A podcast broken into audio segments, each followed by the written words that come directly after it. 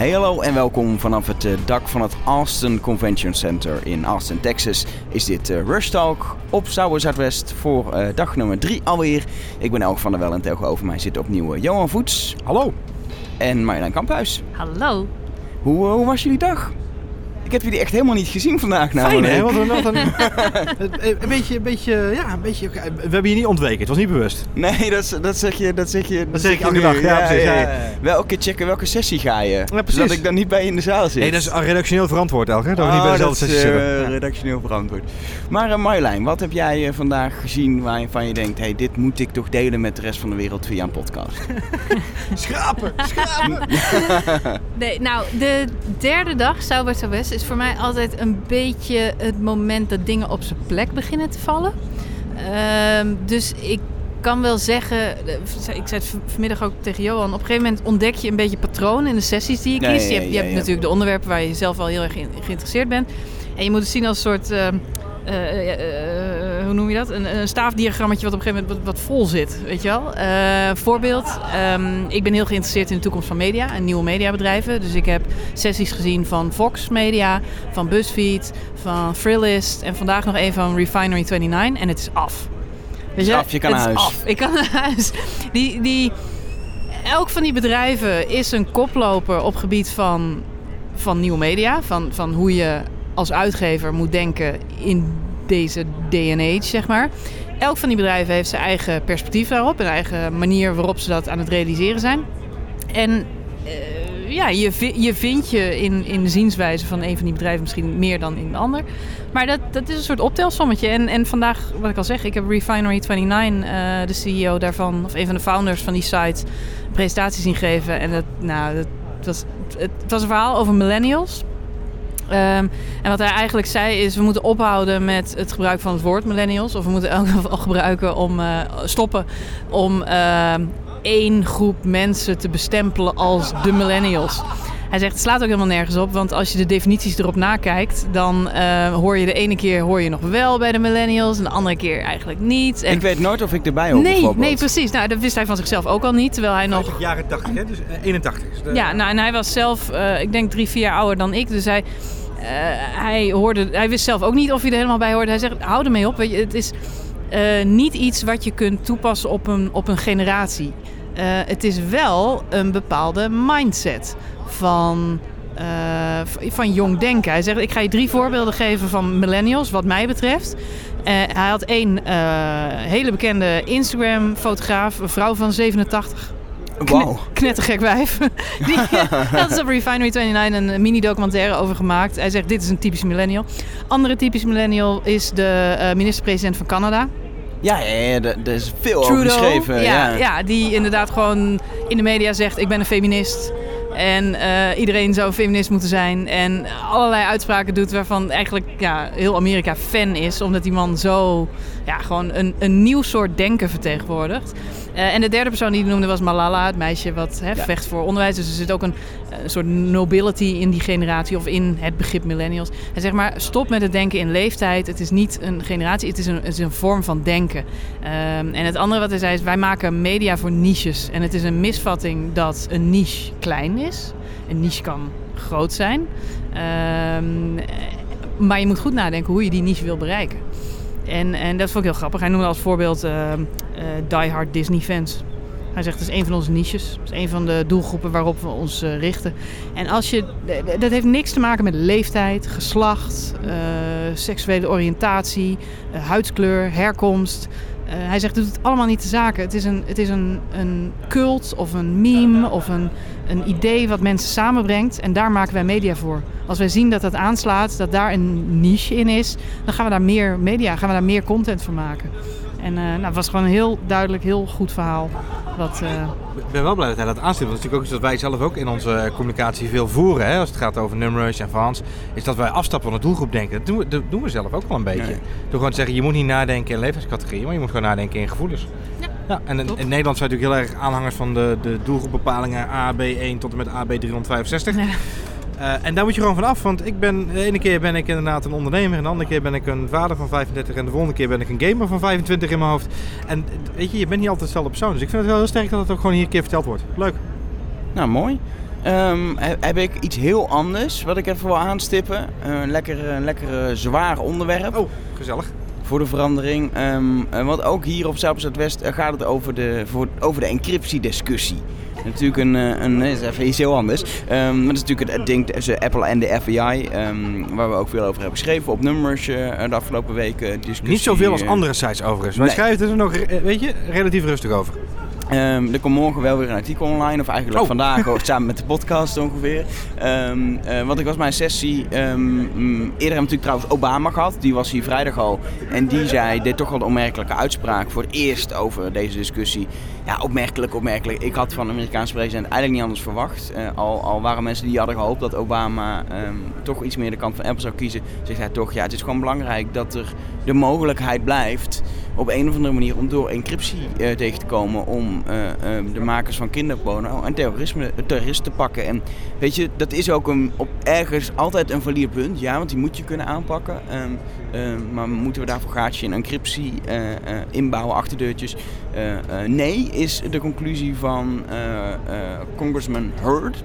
Um, is een, uh, congressman hier uit, uh, uit, uh, uit Texas. Um, zit in het Amerikaanse congres. En die zat in een panel met andere mensen. Maar eigenlijk was hij de interessantste, spreker in dat panel. Over die encryptiediscussie. En hij kiest heel erg de kant van Apple.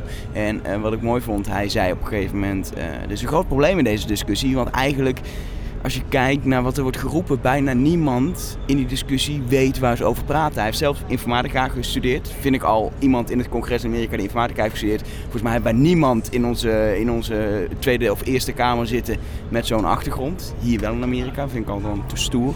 Um, maar hij zei, uh, ik, ik praat als mensen voor ze dingen roepen en dan gaat het over dark rap en dan halen ze iets op, op Twitter aan. Of wat mensen op Twitter doen weet je, mensen hebben een hele zaal in een bast, bast, bast in lach uit. Um, maar hij zei, hij zei, dat gaf hij aan, dat is een probleem. Maar hij zei, wat nog, wat nog eigenlijk veel erger is, is dat we op een punt zijn gekomen nu eigenlijk, waarin uh, law enforcement, in dit geval de FBI, gaat dicteren hoe bedrijven hun product moeten bouwen. Dat is, dat, en zeker voor Amerika, waarin, waarin natuurlijk gewoon de economie en de vrijheid van bedrijven heel groot is. Dit, dit, waar zijn we mee bezig? Um, uh, dus dat was zo interessant om, uh, om hem erover te horen uh, spreken en die kant. Vind ik, vind ik wel interessant, interessante opmerking, omdat ik in een andere sessie toevallig ook iemand hoorde zeggen, en dat was ook al in aanleiding van de discussie over Apple en FBI, is dat het heel normaal is op dit moment dat als er iets gebeurt, crimineel misdrijf met, met een telefoonnummer, dan worden jouw telefoonrecords overhandigd. En dat is de vergelijking die veel mensen maken. Dat is wel heel interessant. Ja, maar dat, dat gaf hij ook aan, weet je het is niet zo dat we niks kunnen. We kunnen van alles. We kunnen uit de cloud dingen ophalen, et cetera. Maar het gaat mhm. om die, om die device encryptie. Zodra je daar namelijk... Het, het, de hele discussie is, zodra je een achterdeurtje inbouwt, is het niet meer veilig. En encryptie is ook in het landsbelang van Amerika extreem belangrijk. Uh, de discussie ging breder over cybersecurity. Encryptie is zeker voor Amerika zo belangrijk. Want er zijn gewoon allemaal, uh, als we richting het oosten kijken, overheden um, en ook criminelen die proberen gewoon in te breken. Um, en ja. elk, elk, elk, elk ja, gaatje in encryptie, ook achterdeurtje kan uh, worden misbruikt. Uh, uh, um, dus daar was hij ook van, die encryptie is gewoon, is gewoon zo ontzettend belangrijk. En dan gaan we nog voorbeelden van, weet je, je ziet dat er verkeerde argumenten in discussie worden gebruikt. De FBI gebruikt ook het voorbeeld, stel je hebt iemand die vrouwen onder, onder rokje fotografeert. Dat kan natuurlijk, het is niet heel erg, maar die wil je wel pakken. Heel simpel om zo iemand te pakken is, dan moet je de foto's hebben en dan heb je het bewijs en dan kan je iemand voordelen. En zeg, is, de, is de FBI of de politie die zegt dan... Ja, uh, als we die foto's niet hebben, kunnen we niemand veroordelen. Uh, dus we moeten toegang tot die apparaten hebben. Zegt, uh, zegt hij, het is heel raar, want volgens mij hebben we in Amerika superveel manieren om mensen op te sporen. En een van de manieren is gewoon iemand op hete draad betrappen. betrappen ja. En als iemand mensen onder een rokje fotografeert, is dat vrij obvious te zien dat iemand het doet. Dus als ze gewoon een werk doen bij de politie, is het gewoon uh, te betrappen. En uh, wat ik eigenlijk het mooiste vond aan dat, um, aan dat totale verhaal, is um, dat, het, dat het hier op Zuid Zuidwest, en ik, heb een beetje, ik ben niet bij al die zes maar ik heb een beetje gekeken wat voor discussies nu lopen over privacy en cybersecurity. En dan zie je vorig jaar en het jaar daarvoor uh, natuurlijk Paul Snowden, dat was echt een ja, dat was een huge issue en het werd bijna een beetje uh, ja, echte privacy voorvechters die hier allemaal in sessies zaten en allemaal aan het discussiëren waren over hoe, uh, hoe toch uh, we onze privacy moesten hervinden. En ik zie nu in ook wat voor panels, wat voor mensen, veel meer nuance ontstaan. En dat er een soort discussie komt van, weet je, het is niet zwart of wit. Uh, we moeten hier met z'n allen over praten. En dat zei hij ook. Het is heel vervelend dat deze discussie nu in de rechtszaal wordt gevoerd en zo ver uit elkaar. Iedereen moet gewoon kalmeren. En ze richten in het congres ook een commissie op. Bedrijven en overheden en law enforcement samen aan tafel gaan zitten. Experts erbij, onafhankelijke experts. Uh, waarin je ook ziet dat experts ook uh, um, niet zwart of wit gekleurd zijn. Er zaten ook andere experts in dat panel die, die voor de ene en de andere kant punten aandroegen eigenlijk in die discussie. Weet je, en gaan met die mensen om tafel zitten. Want dit is zo complex en het raakt niet alleen Amerika. Dat zei letterlijk, dit raakt de hele wereld. Uh, ik weet niet waarom dat grappig is, maar nee, maar het draagt de hele wereld. Dus um, uh, we moeten hier gewoon rustig over gaan praten. Um, uh, en die, die, hele nuance die voel ik hier over dit onderwerp. Deze sessie verwoorden dat erg, maar ik voel ja. het gewoon in het algemeen, ook als ik naar het programma kijk. En, en ook als je naar de maatschappij kijkt, de discussie is heel hevig, maar juist hier hij is, is hij verbreed en gaat het niet meer om de Amerikaanse overheid of allerlei overheden willen ons allemaal massaal afluisteren en onze privacy gaat eraan. Ja het komt wel overal naar voren. In elke sessie valt ook een privacy standpunt, omdat het zoveel gaat over data, over Internet of Things, over algoritmes, over weet je, steeds meer uh, uh, risico privacy schending in deze maatschappij. Maar ja. het, is, het is allemaal in een, in een nuance en allemaal, iedereen is er ook steeds meer zich uh, bewust van volgens mij. Dat Klopt. voel ik heel erg.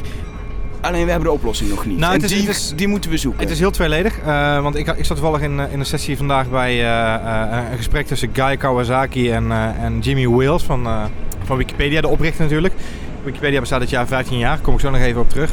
Ehm, Guy Kawasaki opende heel brutaal met de vraag: Hey Jimmy, geen, geen softball om in te komen, maar gewoon gelijk hardbal. Apple versus FBI, wat vind jij? En uh, natuurlijk heel. Ja, natuurlijk een open deur om mee, te, binnen te komen. Maar uh, Jim Wales die, die zei: Weet je, het maakt even niet uit wat we er met z'n allen van vinden. Het maakt niet uit wat de uitkomst is. Waar we met z'n allen blij mee moeten zijn, is dat er een bedrijf is wat zo hard wil vechten voor de consumenten, voor onze rechten. Um, of we nou onderaan de streep vinden dat de FBI gelijk moet krijgen of Apple. En of de rechter nou besluit dat de FBI gelijk moet krijgen, maakt niet uit. Er is in ieder geval een merk wat vecht voor onze rechten en voor onze privacy. Um, en hij pakte daarop door te zeggen van, weet je, Snowden, en da daarom is het een mooi, uh, een mooi een doorpakketje. Hij zegt, Snowden, vorig jaar was het de hero en was het uh, de klokkenluider. Hij zegt, en ik vind het een held om de doodsimpele reden dat hij met heel veel respect en met heel veel logica is omgegaan met de informatie die hij tot zich uh, heeft genomen toen hij wegging bij de uh, CIA. Toen hij daar weggelopen is met die bak met informatie die, die hij heeft meegenomen. NRC was het ook? Uh, ja, of NRC. Ja, dat zou, zou kunnen. Volgens mij CIA. Maar goed, maakt het even niet uit. hij is natuurlijk met, met een rugtasje vol met informatie. Maar hij is daar heel verstandig mee omgegaan. Hij heeft namelijk de juiste journalisten benaderd. Hij heeft de juiste informatie gelekt. Hij heeft geen namen van, van uh, geheime agenten gelekt. Hij heeft geen gevoelige informatie van personen gelekt. Hij is daar heel verstandig mee omgegaan. En doordat hij dat op die manier heeft gedaan, heeft hij de dialoog open kunnen houden. In plaats van dat hij eigenlijk agressief werd gelijk. Dat het gelijk een hele negatieve toon werd. Um, wat hij wel benadrukte, Jimmy Wales, was, vond ik wel een valide punt. We moeten ons wel realiseren dat buiten Austin op dit moment, even, hij noemde even Austin, hè, het, het techcentrum van de wereld op dit moment. Zegt buiten Austin, of nou Silicon Valley is of, of het maakt niet uit, alle tech hubs waar alle technologieën bij elkaar zitten. Daarbuiten zijn er miljoenen, wat zeg ik, miljarden consumenten die denken dat de overheid zich niet bezighoudt met deze informatie. Die hebben geen idee wat er daadwerkelijk speelt. En zo langzaam maar zeker moet die discussie veel breder worden gemaakt.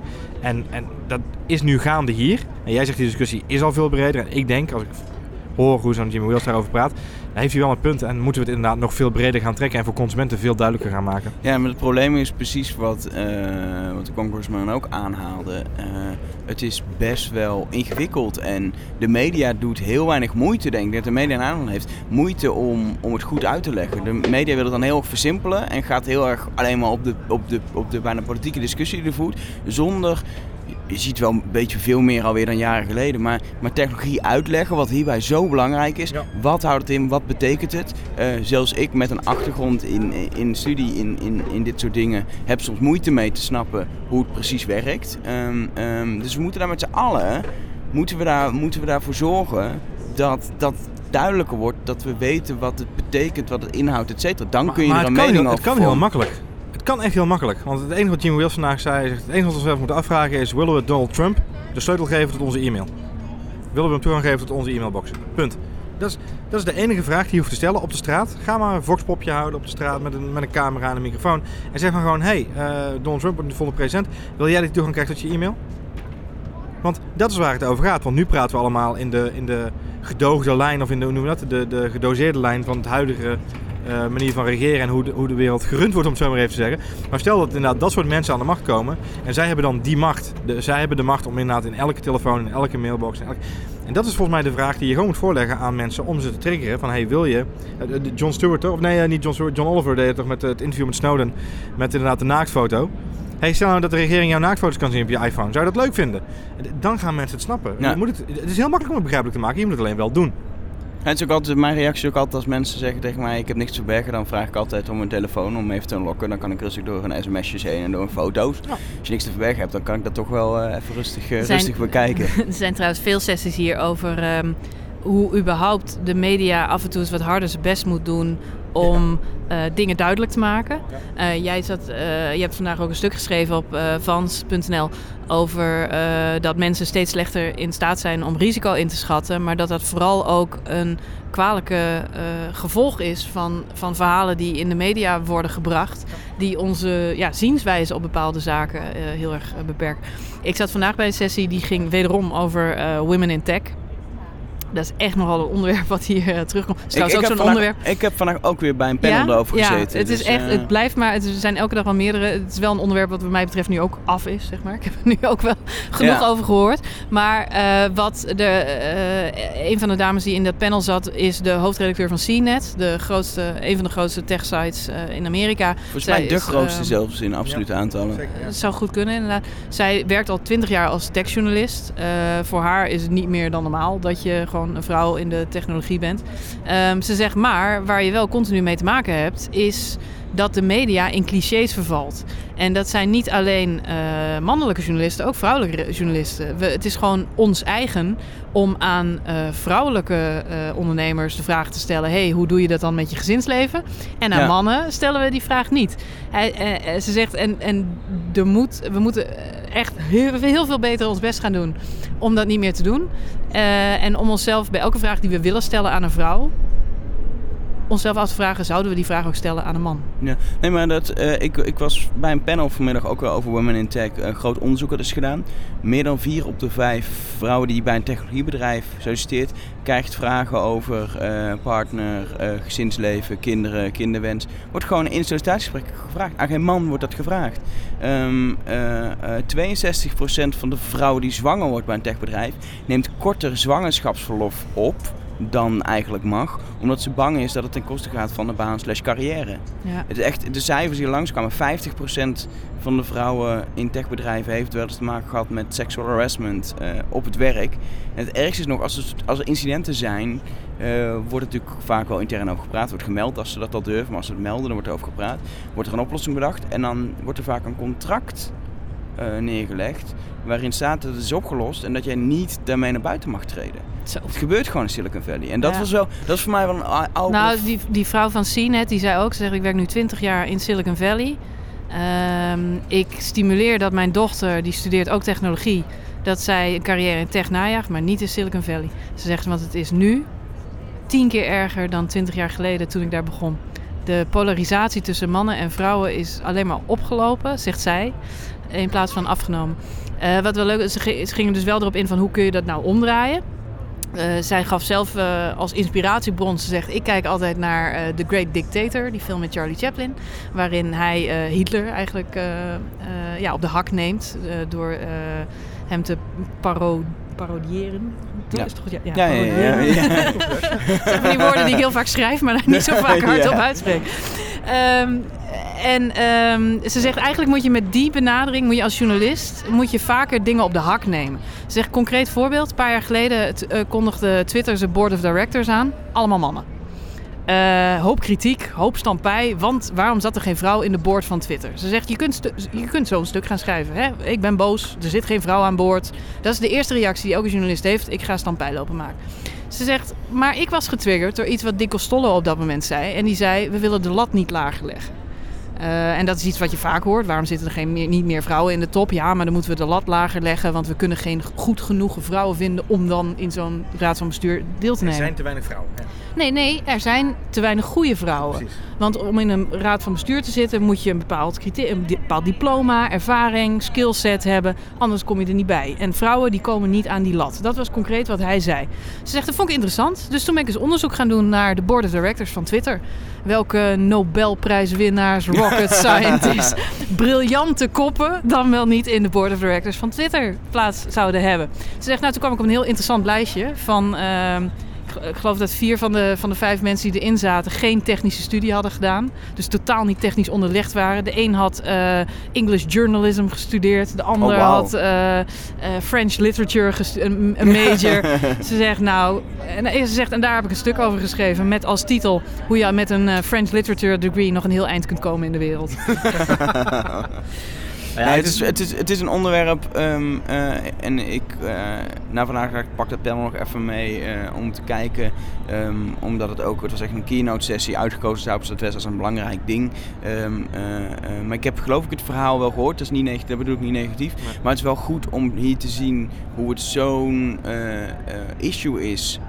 hoe er in ieder geval zoveel in ieder geval over wordt gepraat. En wat ik wel goed vind om te zien hier, dat in alle panels en alle dingen waar ik zie, zie ik gewoon, ik zie superveel eh, eh, vrouwen zitten. Ook ehm, eh, als ik kijk naar gewoon leidinggevende functies of echt ja, senior directors, dat soort mensen komen en ook kom veel langs. meer multiculturele mensen. Ja, nee, heel Echt, ik- nog, de meeste, de meeste vrouwen zijn geen blanke Nee, vrouwen klopt. die in die panels en dat soort dingen. Donkere meisjes, ja, heel veel. Aziatisch, alles. Ja, heel veel.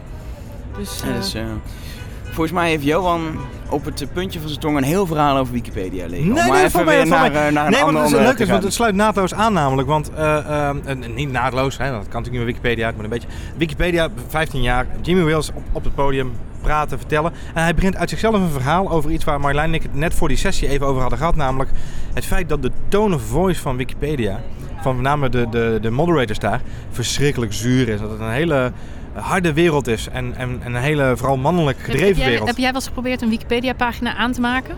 Eh, ja, en maar die worden altijd weer verwijderd, omdat dan, Precies. dan, maak Exact. ik, dan maak ik ze aan over iets waar ik aan heb meegewerkt. Of gewoon eh, echt wel omdat ik En dat mag informatie niet. Maar heb. dat is niet, hè? Nee. Maar als je, de, als je aan iets meewerkt, dan ben je blijkbaar Ben je geen af. expert. Nee. Nee. Nou ja, het is zo, je moet, je moet een third-party reference hebben. Dat legt eh, Jimmy Wheels vandaag heel keurig uit. Oh, heb ik ook gewoon gedaan hoor. Ja. Ik heb third party references bij, want er zijn, waren gewoon dingen waar in de media over wordt geschreven, maar dat wordt gewoon Wordt net zo gewoon hard weer eh, weg. Nou ja, wat- Waardoor wat- er ook Wikipedia-pagina's zijn die drie jaar achterhaald zijn qua informatie, omdat niemand ze mag bijwerken. Ja, of niemand ze kan bijwerken. En Nee, dat was een heel. En, interessant... en- eh, en ik vind dat heel zorgwekkend trouwens, want we hadden het inderdaad voor die sessie erover, dat dit is een bron op middelbare scholen voor studenten, nee, nee, nee, voor nee, docenten. nee, nee, dat is een hele belangrijke nuance. Eh, in- de zin van, dat streeft Wikipedia op geen enkele mogelijke manier na. Nee, Eh, maar want gebeurt wel. De opmerking was namelijk van Guy Kawasaki. Hij zegt van het is belachelijk dat jullie op dit niveau zijn. Ze hebben intussen eh, meer dan 34 miljoen pagina's wereldwijd. 34 miljoen entries. 5 miljoen in de, in de Engelse Wikipedia alleen al. Guy Kawasaki zegt, en het is van, van de zotte, dat je in je scriptie hier in de US mag je Fox News aanhalen als bron, maar Wikipedia niet. Waarop natuurlijk de handen op elkaar gingen en zeiden, ja, belachelijk. En waarop Jim Wilson zei, ja, hou even mensen, rustig aan. Eh, twee dingen die belangrijk zijn. Dus één, wij streven dat helemaal niet na om dat te kunnen zijn. Want dat is namelijk niet iets wat tastbaar is, niet meetbaar. Dat vertrouwen, dat we hebben, willen wel die kwaliteit nastreven. Maar het kunnen worden genoemd worden in een bron van een wetenschappelijk onderzoek mag geen doel zijn aan zich. De belangrijkste reden, zegt eh, Jimmy Wales, is doodsimpel. Je studeert aan een universiteit, dus ik mag wel iets meer van je verwachten dan dat je een quote haalt van de Wikipedia-pagina. Ehm, dat vond ik een hele mooie opmerking. Het is voor mij vaak een eh, manier om aan, aan bronnen te komen door de references. Exact, dat is inderdaad waar hij ook een beetje naartoe wees. Van ja, weet je, wij- wij willen graag de entry point zijn van iets. Ja. Je begint hier. Maar weet je, vroeger kon je het ook niet maken om een kopie te maken van een encyclopedie en dat dan in je scriptie te typen. Eh, dan werd je ook afgeserveerd. Dus hij zegt, weet je, dat, dat, is nooit, dat mensen dat nog steeds zeggen, is niet iets waar ze zich bij op het hoofdkantoor van Wikipedia heel erg mee bezighouden. Ehm maar wat hij wel aanstipt, en dat was heel grappig, want het gebeurde echt organisch, zeg maar. Het werd niet gestuurd of niet. Hij zei zelf van, we moeten gewoon heel erg ons best gaan doen om relevant te blijven. En wel op twee mogelijke manieren, namelijk diversiteit en eh, eh, leeftijd. Hij want we hebben op dit moment spreken we een generatie aan van mensen die opgegroeid zijn met encyclopedie, die ons zien als de referentie, de online referentie van encyclopedie. Maar daarna komt een generatie aan van mensen die informatie op een heel andere manier zoeken en op een heel andere manier consumeren. En die moeten we ook zien te bedienen. En op dit, manier, op, deze, op dit moment kunnen we dat niet, omdat we gewoon ja, een soort ouderwetse encyclopedie... Er zijn zelfs nu al mensen, of kinderen die opgroeien, zeggen, 12-jarigen, die zeggen... Wikipedia is toch ouderwets? Ik haal mijn informatie wel ergens anders vandaan. Dat is zorgwekkend, daar moeten we ons heel erg op focussen. Ja. Ja, dat, dat, is, dat is wel een dingetje. Maar daarnaast vooral diversiteit. Hè? Dus ook kijken over zaken zeggen van... Oh, uh, multicultureel, meer vrouwen. En waarop je zeggen... Ja, weet je... Maar, nee, maar echt, zei hij. Dat is heel ja, maar echt, er zijn over, over, heel stom, maar over elk treinstel wat in de wereld rondrijdt, zijn pagina's honderdduizend lang van treingekkies, noem ik ze maar even. Sorry mensen die van trein houden. um, uh, maar over, over mode zijn het, uh, zijn het lemma's van uh, twee linia's, ja, exact, exact, als je geluk hebt. Exact zijn punten inderdaad. Hij zegt, we hebben op dit moment hebben we gewoon een probleem. We trekken, onze, onze doelgroep die we aantrekken als moderators zijn voornamelijk geeks. En geeks zijn op dit moment door krachten die buiten Wikipedia omliggen, voornamelijk witte mannen die uh, nogal kort lontje hebben en veel over technologie schrijven. uh, hij zegt, ja, daar kan ik niet zoveel aan veranderen. Dat is wel een probleem, maar we moeten wel ons best doen om te zorgen dat we dat zo vrouwvriendelijk mogelijk maken. Hij zegt, op dit moment hebben we een, een fantastische pagina met specificaties naar USB 3.0. Maar kunnen we niks zeggen over uh, Chanel, om even wat te zeggen. En nee, dat voorbeeld hij zelf ook aanhaalde. Hij zegt, dus dat betekent dat wij de verantwoordelijkheid hebben om onze software, want die is ook gewoon wat technischer aangelegd, zo gebruiksvriendelijk mogelijk moeten maken. Maar ook moeten zorgen dat de toon van de discussie zo goed mogelijk en zo vrouwvriendelijk en eigenlijk zo multicultureel vriendelijk wordt gevoerd. Want we zeggen wel steeds dat we een open community zijn. Maar als we op kantoor eerlijk gaan kijken naar discussies rondom sommige thema's, dan weten we wel beter. En dan moeten we echt, wij moeten beter doen. Hij zegt, want het moet niet zo zijn dat wij gedreven zijn door de cultuur die nu ontstaat in Silicon Valley, want alles moet diverser. Hè? Diversiteit wordt nu gestuurd vanuit, een, vanuit de, de, de media, zou ik bijna willen zeggen. Hij zegt, het is niet zo dat wij daarom er moeten zijn. Hij zegt, het gaat er voornamelijk om dat wij ook uh, de discussie niet remmen. Want wij zijn een bron voor mensen, wat jij wel zegt, hè? we zijn wel een startpunt voor een discussie voor mensen. Het mag niet zo zijn dat wij inhoudelijk niet divers genoeg zijn om mee te kunnen gaan in de, uh, de, de swing die nu gaande is. Ja. Nou, ik denk dat dat ook wel belangrijk is dat ze er dan voor zorgen dat die site gewoon, het is het, qua uiterlijk is het vooral heel, veel, heel, ja, heel aantrekkelijk voor mensen die ook graag in een terminal werken, zeg maar. ja, maar het is echt, het, is, het, is, het voelt ontzettend jaren 90 wit met het pielmenuutje aan de linkerkant. Zijn, uh, en als je, moet maar, je moet maar eens op Dribble kijken, maar er zijn heel veel designers die al een heel mooi redesign van uh, Wikipedia hebben gemaakt. Desnoods, desnoods, desnoods maak je een redesign en dan een skin die je kan terugzetten met de huidige layout voor de mensen, maar want er worden natuurlijk mensen heel boos. Wikipedia heeft toch al jarenlang, uh, want heeft hij daar nog iets over gezegd, over het businessmodel? Want ze vragen al jarenlang om donaties om, om het hoofd boven water te houden. Het zou financieel helemaal niet goed gaan daar. Nee. Niks over gezegd? Niks over gezegd. Dat werd uh, om, uh, omzichtig ook om, uh, omheen gepraat, zeg maar. Dus dat, het enige wat wel duidelijk werd is dat, dat, dat, Jimmy tegenwoordig zelf maar in Londen is gaan wonen. Want dan kan hij makkelijker schakelen met de, de rest van de wereld. Gaf hij zelf aan. Nee, het is, het is een, iets, een onderwerp wat natuurlijk omzichtig werd, werd vermeden. Mm. En um, ja, wat gewoon heel erg lastig is. wel werden ze inderdaad heel erg vrolijk van hun nieuwe app. Want ze hebben een nieuwe app gelanceerd. En die schijnt wel heel erg goed te zijn. Dus ik moet hem nog even installeren. Je ze hebben een app, want ze hadden altijd, ze hadden nooit een app in het begin. Je moest altijd apps van derden downloaden. Is dat zo, ja? Ja, ik heb altijd andere Ik heb sowieso nooit behoefte gehad om Wikipedia-app te hebben, maar dat is meer... Ik heel vroeger in het begin wel, maar er was geen app. Toen dacht ik... Heb je dat weer? Dan, ja, dat, dan heb je dat weer. Ja. Um, heb, hebben jullie nog iets anders wat je, wat je, wat je nog even wil delen? Van nou, gisteren hadden we in de podcast over uh, big data en de presidentsverkiezingen. Dat, zou een, uh, hè, dat is wel een topic wat we hier veel horen. Oh, je zou naar een sessie gaan? Ik ben daar geweest. Ik ben naar een fantastische panel sessie geweest. Nou, je weet natuurlijk al, we hebben een beetje de panel blijft een running gag. Um, ik was daar wel heel hoopvol over. Marlijn is er nog even bij komen zitten, ook een paar minuten. Maar die zei eigenlijk na drie minuten al... Ik geloof dat ik even een andere sessie ga opzoeken. En dat had ze goed ingeschat. Um, ik was wel een soort van hoopvol toen ze begonnen. Namelijk, het ging direct over eh, de inhoud. Namelijk, eh, wie is de eigenaar van eh, de data rondom kiezers in Amerika? Waar haal je die data vandaan? Welke informatie heb je? En dat duurde zo'n vijf minuten.